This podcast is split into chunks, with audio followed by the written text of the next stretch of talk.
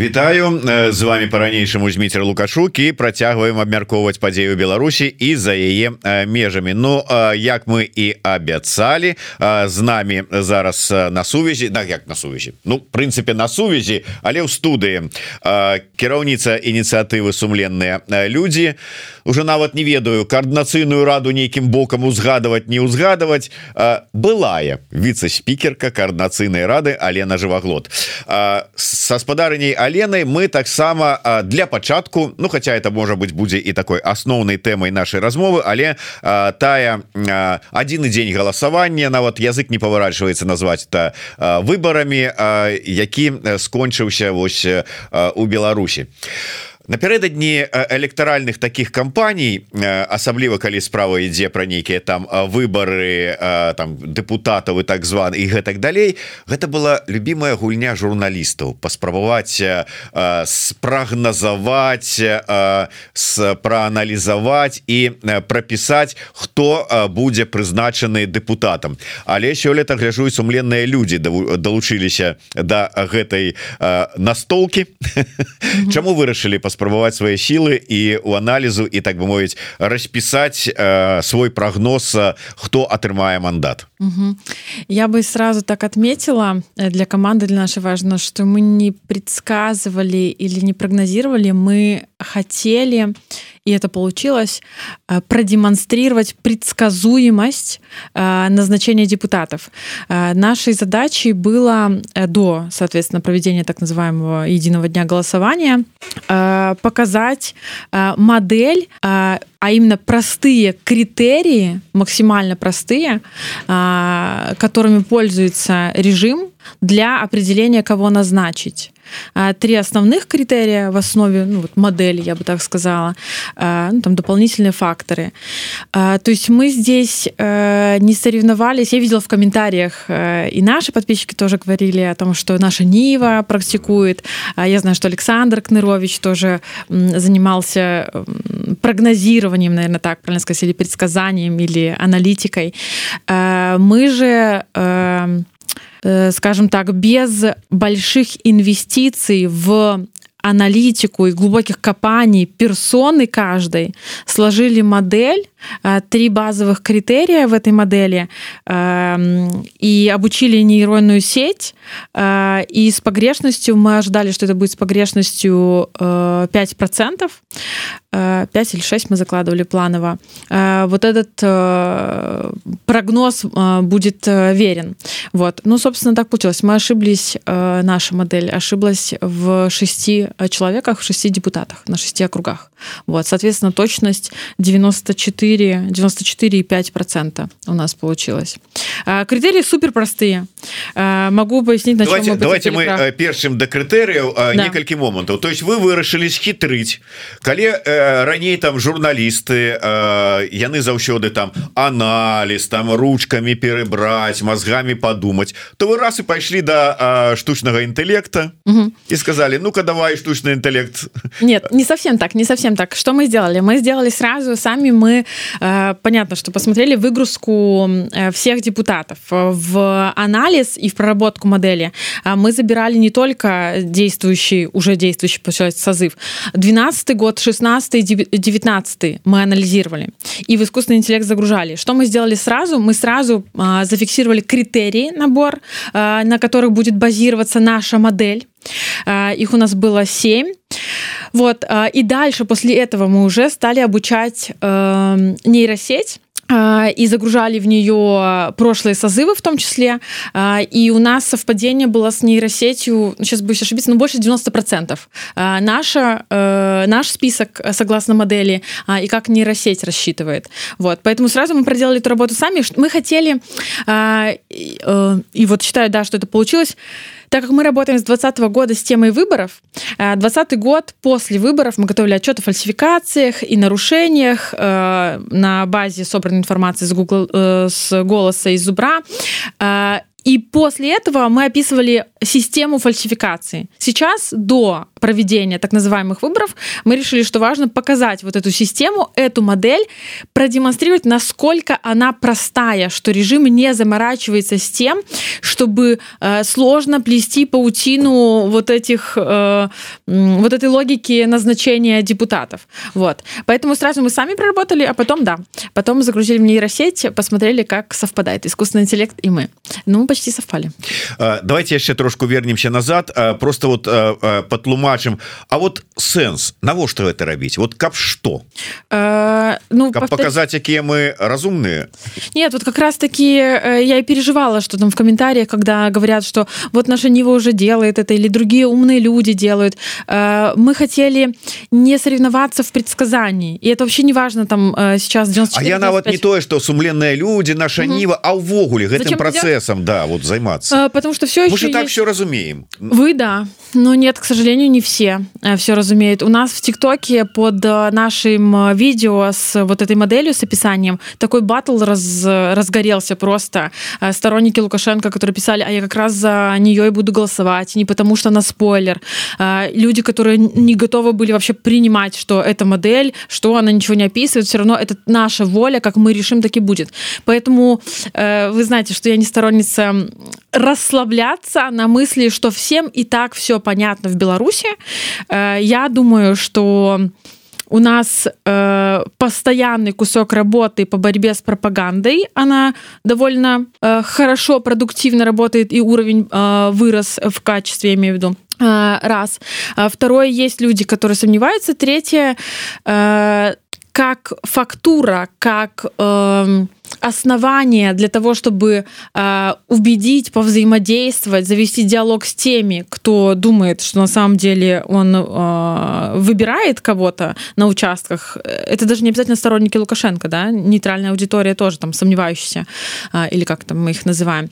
Э, вот для того, чтобы с ними общаться, э, нам э, мы посчитали, что вот это может быть э, предметом или основой завести диалог. Посмотри, что они будут назначены, и действительно этот прогноз э, совпал. Поэтому в этом был смысл не упражнять, э, не упражнять как-то навыки расследования, исследования э, и просчета там биографии всех, мы этим не занимались, не конкурировать с теми, кто тоже строил предсказания, показать простоту модели, чтобы убедить людей в том, что это действительно про назначение, чтобы продемонстрировать ну, такую работу по конец рук, скажем, со стороны режима.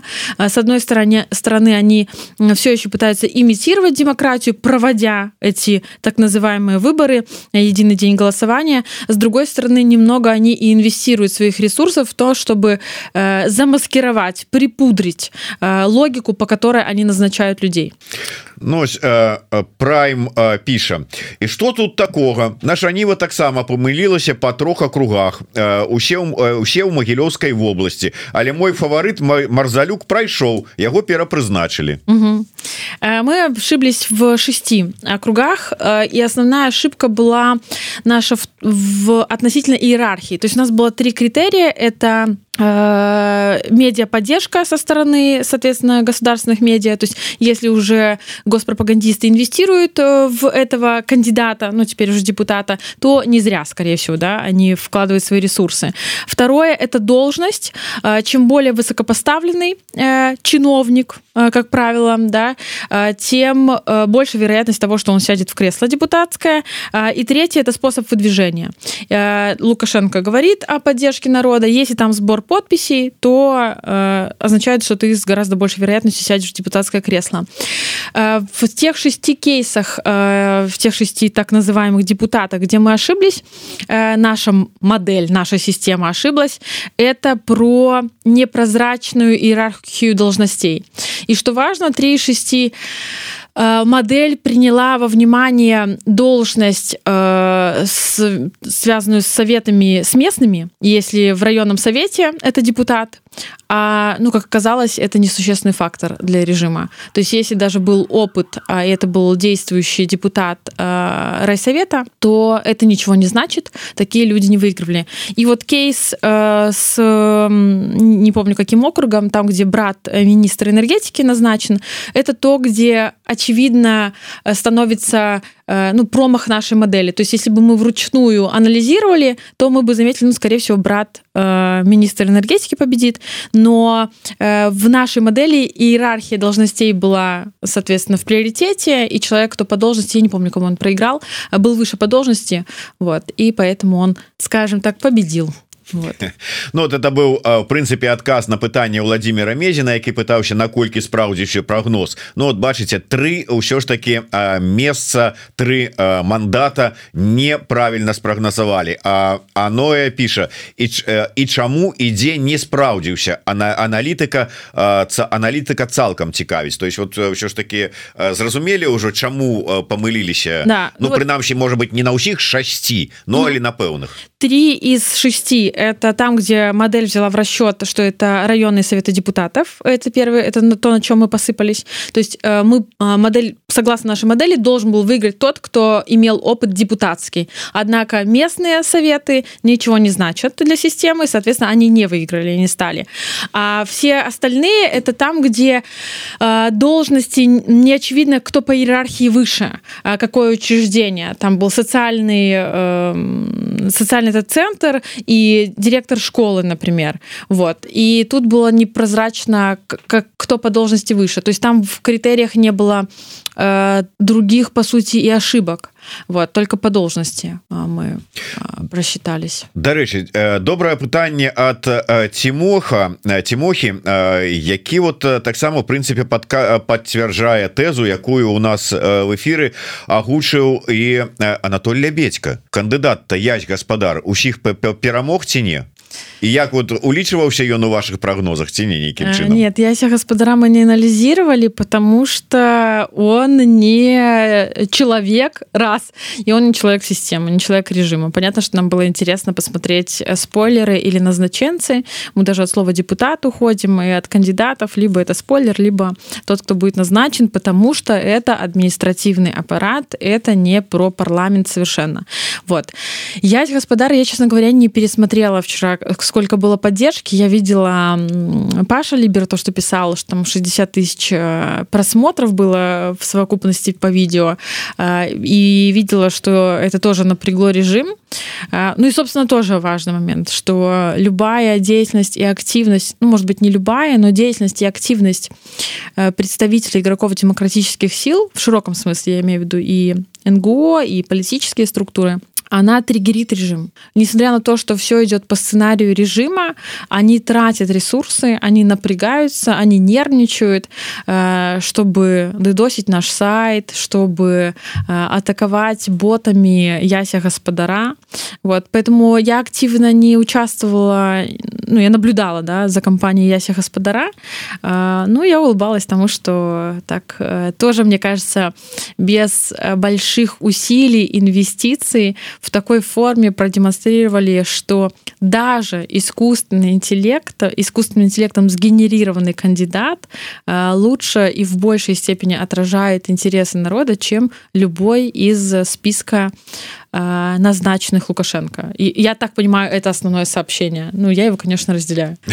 Ну, ведаеце, калі працягнуць думку і прыгадаць нам працытаваць э, Павла Усова то ён там напісаў віртуальны кандыдат Ясь Гаспадар можа стаць больш рэальным чым уся усе дэмакратычныя сілы офіс, АПК, КР і ўсе астатнія Ну тут я с Павлом усом то есть смысл я не знаю я не автор идеи яся гаспадара и мне казалось что может быть она слишком эта идея ну далека от людей то есть это слишком такой фан вот.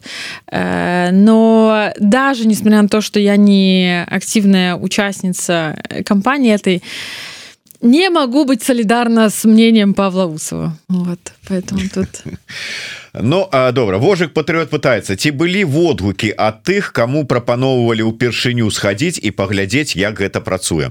Ну я так разумею что сумленныя людзі і гэта была ваша пазіцыя калі вот вы маўляў нам не давяраеце схадзіце самі і паглядзіце як это ўсё само працуе. Вот былі водгукі ўжо ці не? Э, да, были отзывы на уровне комментариев, то, что нам оставляли активисты, что на участке нет людей. Э, по комментариям, которые к нам приходили, это про спокойствие на участках, то есть не было... Э, мы переживали, безусловно, за то, что будут даже, возможно, провокации с тем, чтобы задерживать людей на участках. По информации от наших активистов задержаний не было. Я видела в медиа «Свобода» перепечатывала тоже с провластных ресурсов, с провластных медиа-ресурсов о задержании компании там было, да, наверное, три или четыре кейса. Э, нас говорили про то, что выпечка, пирожки, буфет раз. Второе, э, важная отметка была, э, и люди фотографировали много вот этих милицию с автоматами, которая сопровождала членов избирательных комиссий, кто ходил по домам. Это тоже такой, мне кажется, яркий комментарий, яркий отзыв о прошедших так называемых выборах про малое количество людей на участках, э, два, ну вот, пожалуй, наверное, и все.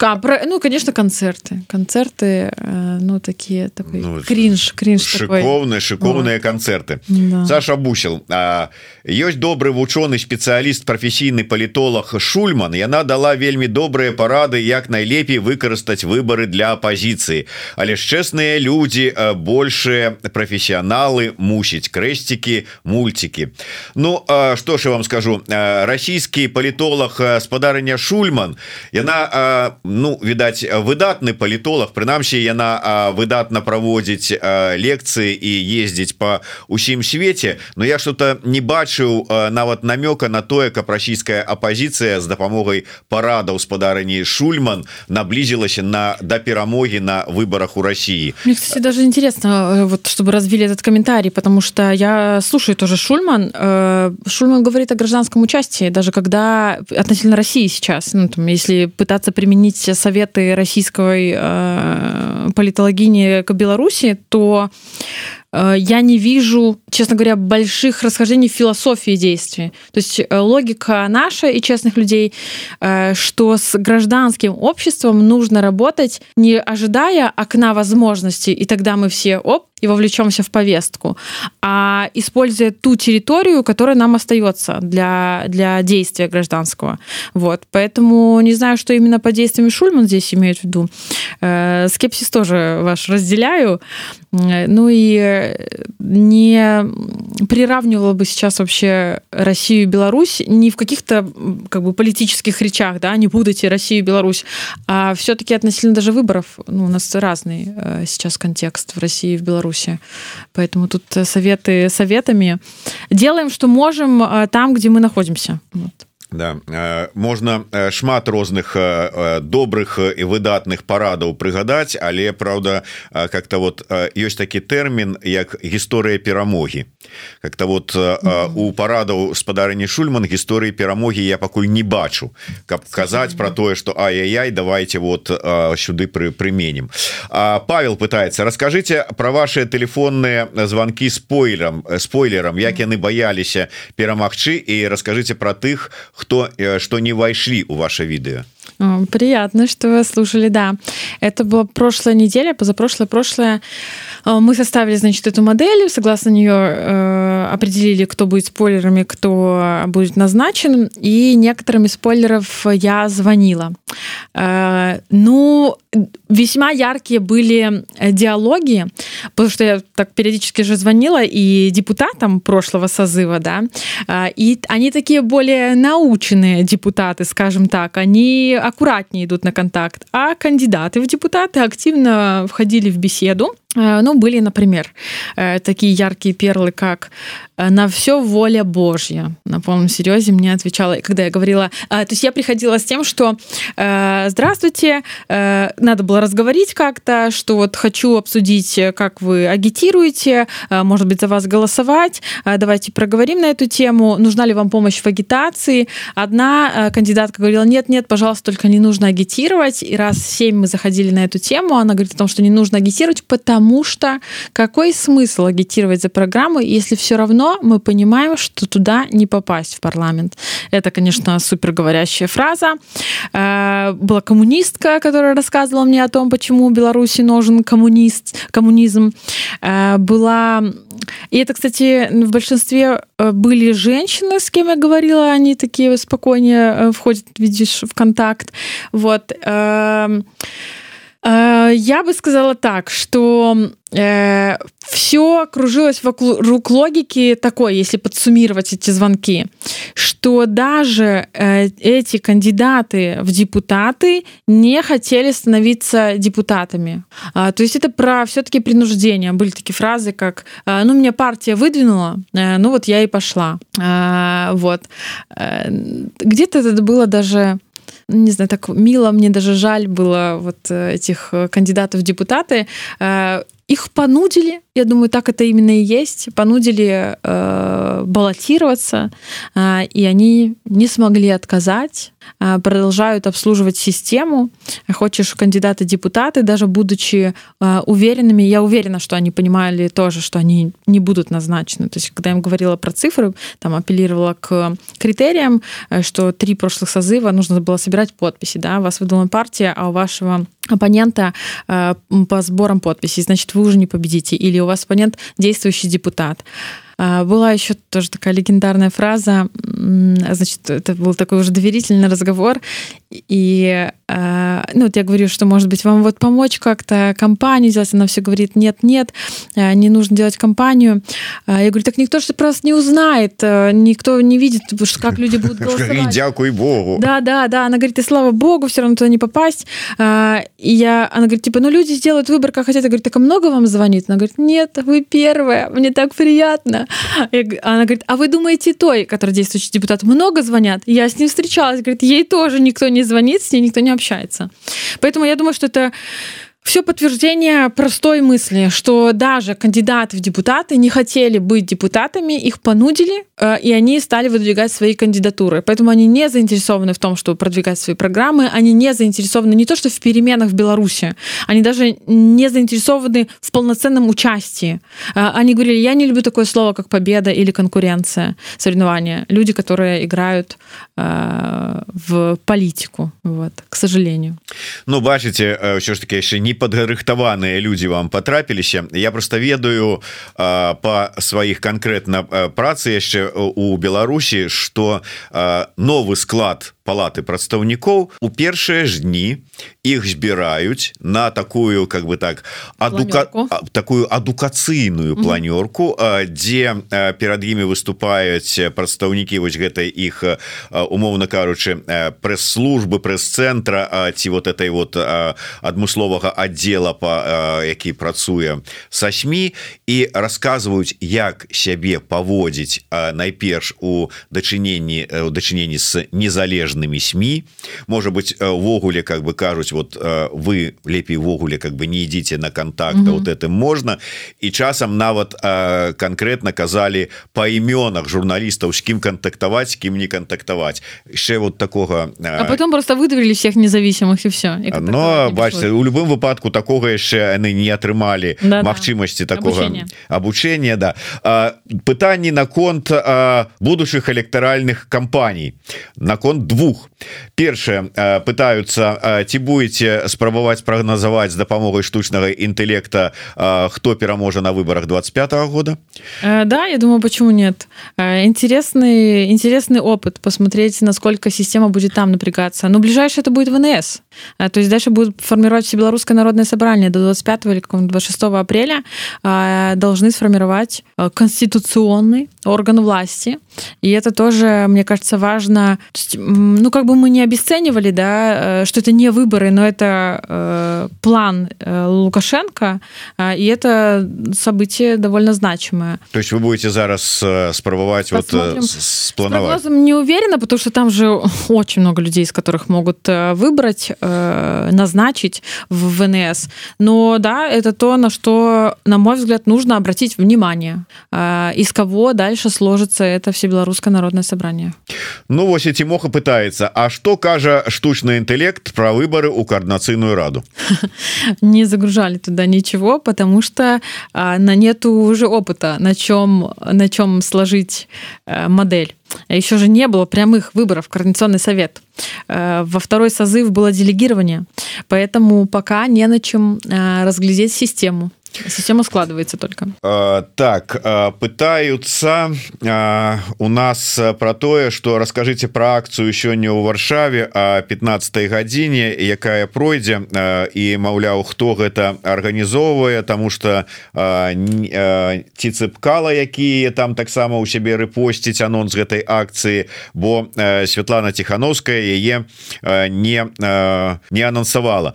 Сапраўды сёння пройдзе акцыя у варшаве яна называется ультыматум і гэтую акцыю канешне арганізоўвае не цыпкала які рэпосціць але і не там офіс Светланы тихохановскай і там скажем аб'яднаны пераходны кабінет. Гэта нацыянальна вызвольная ініцыятыва такая. Яны патрабуюць ад уладаў Еўросаюза і уладаў Польшчы аб'явіць такі ультыматум лукашэнкаўскага беларускаму рэжыму альбо яны вызваляюць усіх палітвязняў альбо цалкам перакрываюцца грузавы транзіт праз польска-беларускую мяжу. Акцыя гэта ўжо ладзіцца не першы раз. Ну калі ласка сёння гэта каля прэзідэнцкага палаца на кракоўском прадмесці новы свят. Калі ласка хто ў варшаве і мае магчымасці жадання можете далучыцца 15 гадзіне з 15 до 17 здаецца здаецца так давайте-ка на завершение нашей размовы э, закранем яшчэ одну цікавую тэму. Оказывается не толькі Алена живоглот умее разводить э, спойлераў э, праз телефонные размовы але Алену живоглот таксама днями развялі лукашэнкаўскія прапагандысты. Что гэта было як это было і як вы сами оцениваете тое что вы им наговорили я бы кстати не сказала что меня развели чтобы сейчас я буду подбирать слова, чтобы не обидеть коллег из Белсата. Да ладно, Алена. А, или все, я же честный человек, все буду говорить. Вот именно, рубите э, правду. Про что мы говорим? Мы говорим про события начала февраля. Э, с начала февраля э, началась, я называю это информационной атакой. Был создан фейковый аккаунт Лена Живоглот с моей аватаркой в Телеграме. И людям рассылали сообщения в том, что срочно проходи в чат от моего имени, соответственно, проходи в чат, э, чтобы э, разобраться с утечкой данных в интернет. Вот так. Э, слита база данных и такой сэмпл э, кусочек э, кусочек базы данных про наблюдение 2020 года я кстати не знаю ни одного кейса чтобы люди перешли в этот чат ну и соответственно сразу к нам стала притекать информация от активистов от медиа в том числе что вот от моего имени такая идет рассылка дальше больше дальше стали звонить с, по телефону белорусам в Литве белорусам в Польше, белорусам в Германии. Э, у них отображался, у этих белорусов, белорусок, мой польский номер даже. Теперь я уже знаю, что это возможно при помощи незамысловатых технологий. Мой польский номер отображается, представляясь моим именем. Э, и такой же алгоритм, что э, вам угрожает опасность в Беларуси, переходите, как вас найти в Телеграме, добавьте чат, чтобы быстро реагировать на ситуацию со, со сливом данных. Вот. Звонили мне, звонили несколько раз э, КГБшники. Я думала, ну вот, наверное, это были пропагандисты. Звонили один раз с угрозами, мне, а затем звонили с обвинениями, что я представляю КГБ, что я агент или как-то так. Я даже записывала на аудио эти разговоры. И когда это началось все, то на площадках честных людей в своих личных соцсетях я написала о том, что вот идет информационная атака и э, фишинговые рассылки. Э, и, значит, мне стали ко мне обращаться медиа, и одно из обращений было от, э, ну, не буду сейчас называть имя, представились именем э, белсатовской журналистки, э, наш пресс-секретарь честных людей написал, я спросила, знаешь ли ты этот контакт. Э, он написал сотруднику, журналисту, редактору э, Белсата, э, который с нами сотрудничает вот обычно. Подтверждаешь ли ты, переслал сообщение, никнейм в Телеграме, что это ваша журналистка, вот пишет Леня. И мне подтвердили, что это журналистка Белсата. Вот. И я вышла на разговор по телефону, и несмотря на то, что мне подтвердили, это был разговор очень странный. Э, ну, собственно, я поговорила. Там в госпропагандистском фильме по факту есть этот разговор. Самое лучшее они отобрали. Ну, там, там ничего как бы содержательного нет. То, что я говорила, я говорила фактическую информацию о том, что у нас подтверждений слива взлома баз данных нет. Их и по сей день нет, ничего не поменялось. А при этом важно понимать, что не, мы не можем гарантировать, что никакой утечки информации с 2020 года не было. Это были тысячи координаторов-наблюдателей. То есть важно быть на чеку. И как только или если у нас появится такая информация опровергающая, то, конечно, мы будем бить э, тревогу, потому что ну, тут речь идет про безопасность людей, кто в Беларуси. Ну, собственно, вот все. И в госпропагандистском фильме они выпустили его, наверное, через три недели. Мы уже до этого, мы уже понимали, что планируется какой-то сюжет, потому что то, как мне звонили, э, на какой разговор меня пытались, э, мы даже думали, что будет э, какой-то дипфейк, потому что мне звонили с таким с разыгрыванием диалога. Включался там женский голос параллельно со мной, который как бы подтверждал, извинялся за то, что я агент КГБ. Но они включили, потому что я сорвала, наверное, им вот эту, этот, этот постановочный диалог. Вот, в фильме этого нет. Ну вот есть кусочек записи с э, якобы журналисткой Белсата. Э, ну, собственно, как-то я ожидала большего от этого госпропагандистского фильма, потому что они очень много усилий потратили. Они действительно обзванивали эм, в Литве, в Польше, в Германии активистов. Э, вот. Ну, получилось у них так, как получилось. Что можно сказать? Что урок на будущее всем. Ну вот коллеги, коллежанки из Белсата тоже такую публикацию написали по итогу на этом примере верифицируйте. Я согласна полностью. Верифицируйте и Э, я-то как раз-таки верифицировала. Здесь можно сказать, что всем журналистам важно быть на чеку, да, не расслабляться, что когда это даже похожий аккаунт, и если вас просят верифицировать, то просят не просто так, конечно, а нужно действительно почитать. И, а еще лучше подойти ногами и спросить э, вживую на его, а точно ли ты пишешь там честным людям или Ленин Живгот или кому угодно э, и приглашаешь обсудить по телефону. Вот. Э, понятно, что все э, много работают, закружились, завертелись и не доверифицировали. Но хорошо, что это закончилось так. То есть мне кажется, что ничего плохого э, не произошло, кроме того, что кроме позитива, что мы получили опыт, вот так скажу. А, То есть такого вот, а, как бы, а, скажем так, не, лажанулись так, как папярэдние удельники таких розыгрышей, скажем, мягко. Э, а там не было почвы, да, ложануться на чем? То есть, э, не, не, не, ну что, какая могла быть лажа? Могла быть лажа, что я вдруг подумала, что это журналист Белсата, и что начала там делиться данными, мы ими и так ни с кем не делимся. Поэтому и радовалась я еще, потому что они же звонили и активисты, активистам, активисткам. Э, в этом я посмотрела этот фильм госпропагандистский, который они выпустили. Э, Петрашка. Э, она, кстати, перед референдумом тоже готовила два фильма, наверное, тогда было про меня и про честных людей. Она любит готовить эти сюжеты про нас. Э, это все же было в преддверии выборов, то есть тоже для чего это делал режим, э, однозначно, ну вот я так трактую, э, чтобы дискредитировать меня, дискредитировать честных людей как организацию, запугать людей перед так называемыми выборами. То есть они напряглись, они собрали ресурсы, и вот на выходе такой фильм. Вот.